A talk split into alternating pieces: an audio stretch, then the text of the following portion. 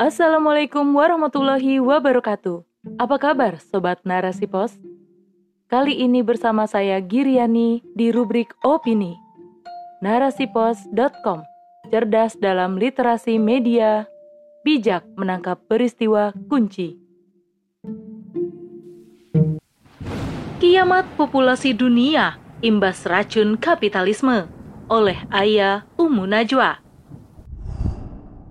Kiamat populasi tengah melanda dunia. Tak hanya di Amerika, negara-negara Asia pun tak luput dari fenomena resesi seks ini. Seperti yang terjadi di Singapura, China, Jepang, dan Korea Selatan. Banyak negara melaporkan masyarakatnya mengalami resesi seks, sehingga angka kelahiran dalam suatu negara pun menurun drastis.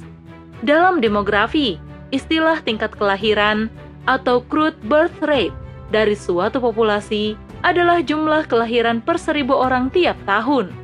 Jepang mencatat jumlah kelahiran bayi turun menjadi 811.604 pada 2021, turun 2,8 persen dari tahun 2019 sebelumnya.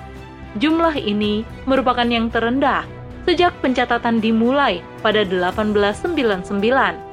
Hal sebaliknya, angka kematian penduduk Jepang naik menjadi 1.439.809 jiwa. Tentu hal ini menjadi penyebab turunnya populasi hingga 628.205 jiwa, sebagaimana dilansir dari Reuters Jumat 3 Juni 2022. Di Korsel, sudah ada persatuan wanita yang menolak norma patriarkal dan bersumpah untuk tidak menikah. Mereka bahkan berjanji tidak mau punya anak, bahkan berkencan dan berhubungan seksual. Dari data terbaru, jumlah pernikahan di Singapura pun turun drastis ke level terendah dalam 34 tahun terakhir. Sementara kelahiran warga juga anjlok ke level terendah selama tujuh tahun. Singapura saat ini menjadi negara dengan angka kelahiran yang sangat rendah. Di tahun 2021, angka kelahiran negara kota itu pun hanya mencapai 1,12 bayi per perempuan. Tentu ini sangatlah rendah jika dibandingkan dengan rata-rata global yang berkisar di angka 2,3. Fenomena resesi seks juga tengah melanda Cina, sehingga menyebabkan penurunan angka kelahiran yang signifikan di negara dengan jumlah penduduk terbanyak di dunia itu. Pada tahun 2021, tercatat angka kelahiran di Cina berada di tingkat terendah sejak 1978, yaitu hanya 8,52 kelahiran per seribu orang. Hal ini menyebabkan pemerintah Cina sampai mengeluarkan kebijakan dengan merevisi aturan memiliki anak. Hasilnya, saat ini pasangan di Cina bisa memiliki tiga anak, yang sebelumnya hanya dibatasi satu anak saja. Di Amerika Serikat sendiri, Fenomena rendahnya angka kelahiran ini pun sudah dimulai sejak tahun 2012.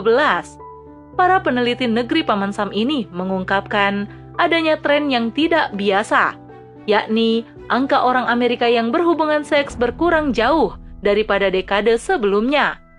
The Washington Post sempat melaporkan adanya kekeringan seks Amerika hebat. Mereka mencatat bahwa 23% orang dewasa telah mengaku tidak melakukan hubungan seks dalam satu tahun terakhir. Pria muda yang tinggal di rumah, pengangguran, serta penyimpangan seksual yaitu LGBT turut menjadi pendorong tren ini.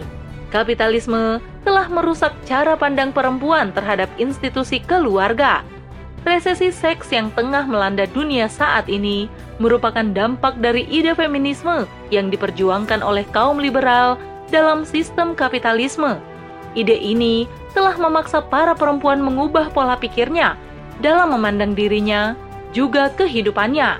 Ia hanya berfokus bagaimana meningkatkan materi di dunia dengan kamuflase kata mandiri dan emansipasi. Demi hal itu, mereka rela meninggalkan kodratnya sebagai perempuan yang melahirkan generasi dan mengejar karir materialistik. Sistem kapitalisme merupakan sistem buatan manusia yang rusak dan merusak. Sistem ini dipenuhi oleh kepentingan-kepentingan. Jika kapitalisme ini ada di suatu negeri, maka hanya penindasan dan kehancuran yang ada, dan perempuan adalah salah satu korbannya. Sistem kapitalisme adalah sistem yang berpandangan bahwa kehidupan dunia ini adalah dalam rangka memperoleh keuntungan sebesar-besarnya. Hal inilah yang menjadikan manusia dalam sistem ini layaknya sebuah benda. Maka, adalah kewajaran jika para perempuan dalam sistem ini terhina, diperjualbelikan, dieksploitasi karena mereka dianggap sebagai objek bisnis. Hari ini, perempuan telah diekspos dari sisi kewanitaannya untuk digunakan dalam dunia bisnis dan pertunjukan. Seperti dunia iklan yang lebih dari 90% mengeksploitasi kaum hawa. Di sisi lain, keluarga sebagai rumah dan tempat berlindung bagi perempuan seakan sudah tidak lagi aman dari kejahatan, termasuk kejahatan seksual maupun kekerasan dalam rumah tangga yang dilakukan oleh anggota keluarga sendiri Hal ini turut menjadi faktor keengganan perempuan untuk menikah dan terikat dalam hubungan pernikahan serta memiliki anak. Bagi mereka, semua itu sangat merepotkan dan lebih memilih hidup bebas untuk membangun karir meskipun menerjang batas-batas norma dan agama. Padahal generasi adalah aset suatu bangsa, dan banyaknya generasi yang dilahirkan serta ketahanan keluarga adalah dasar dari kekuatan suatu bangsa. Besarnya demografi akan menjadi kekuatan tersendiri bagi suatu bangsa untuk dapat memimpin di kancah dunia dan disegani oleh negara lain. Sedangkan ketahanan keluarga akan terwujud jika fungsi keluarga dalam memenuhi kebutuhan fisik dan juga psikisnya terpenuhi. Fungsi keluarga itu adalah fungsi ekonomi, edukasi, reproduksi, atau naluri memiliki keturunan, naluri beragama, afeksi, proteksi, rekreasi, dan sosial. Dan negara mempunyai peran penting dalam pelaksanaan regenerasi ini, karena negara merupakan penyelenggara sistem ekonomi, sistem pendidikan, dan sistem sosial. Dalam Islam, perempuan adalah kehormatan yang wajib dijaga dan dimuliakan. Islam sama sekali tak memandang baik masalah kesetaraan maupun keunggulan antara laki-laki dan perempuan. Islam menetapkan berbagai hak dan kewajiban kepada para perempuan, begitupun bagi laki-laki, dan kelak akan dimintai pertanggungjawaban atas pelaksanaannya. Islam tidak membedakan beban hukum antara laki-laki dan perempuan dalam masalah keimanan, dakwah, sholat, puasa, zakat, haji, berakhlak mulia, dan lainnya. Di hadapan Allah, semua sama kecuali ketakwaannya. Dan dalam Islam, keluarga pun merupakan fondasi dasar penyebaran dakwah Islam. Bermula dari keluargalah lahirnya bibit-bibit pejuang yang meninggikan kalimat Allah dan munculnya para pemimpin hebat yang berjihad di jalan Allah. Dan para wanita mempunyai peran terbesar dalam hal ini. Ketika perempuan sebagai seorang istri, dialah yang membantu suaminya ketika dalam masa sulit. Dialah yang dapat menenangkan suami di kala gundah ketika suami terpuruk, dialah yang akan menyemangatinya. Sungguh besar pengaruh istri bagi seorang suami. Inilah peran utama yang seharusnya dilakukan bagi seorang perempuan. Menjadi seorang pemimpin dengan karir duniawi yang tinggi bukanlah hal yang perlu bagi seorang perempuan, akan tetapi menjadi pendamping seorang pemimpin, baik pemimpin rumah tangga ataupun lainnya, dengan membantu, mengarahkan, dan menenangkan sang pemimpin ia akan mendapatkan pahala yang besar jika disertai dengan ketaatan kepada Allah. Seorang ibulah yang dapat menjadikan anak-anaknya menjadi orang baik ataupun menjadikan anaknya jahat. Baik buruknya seorang anak banyak dipengaruhi oleh baik atau tidaknya seorang ibu yang mendidik anak-anaknya.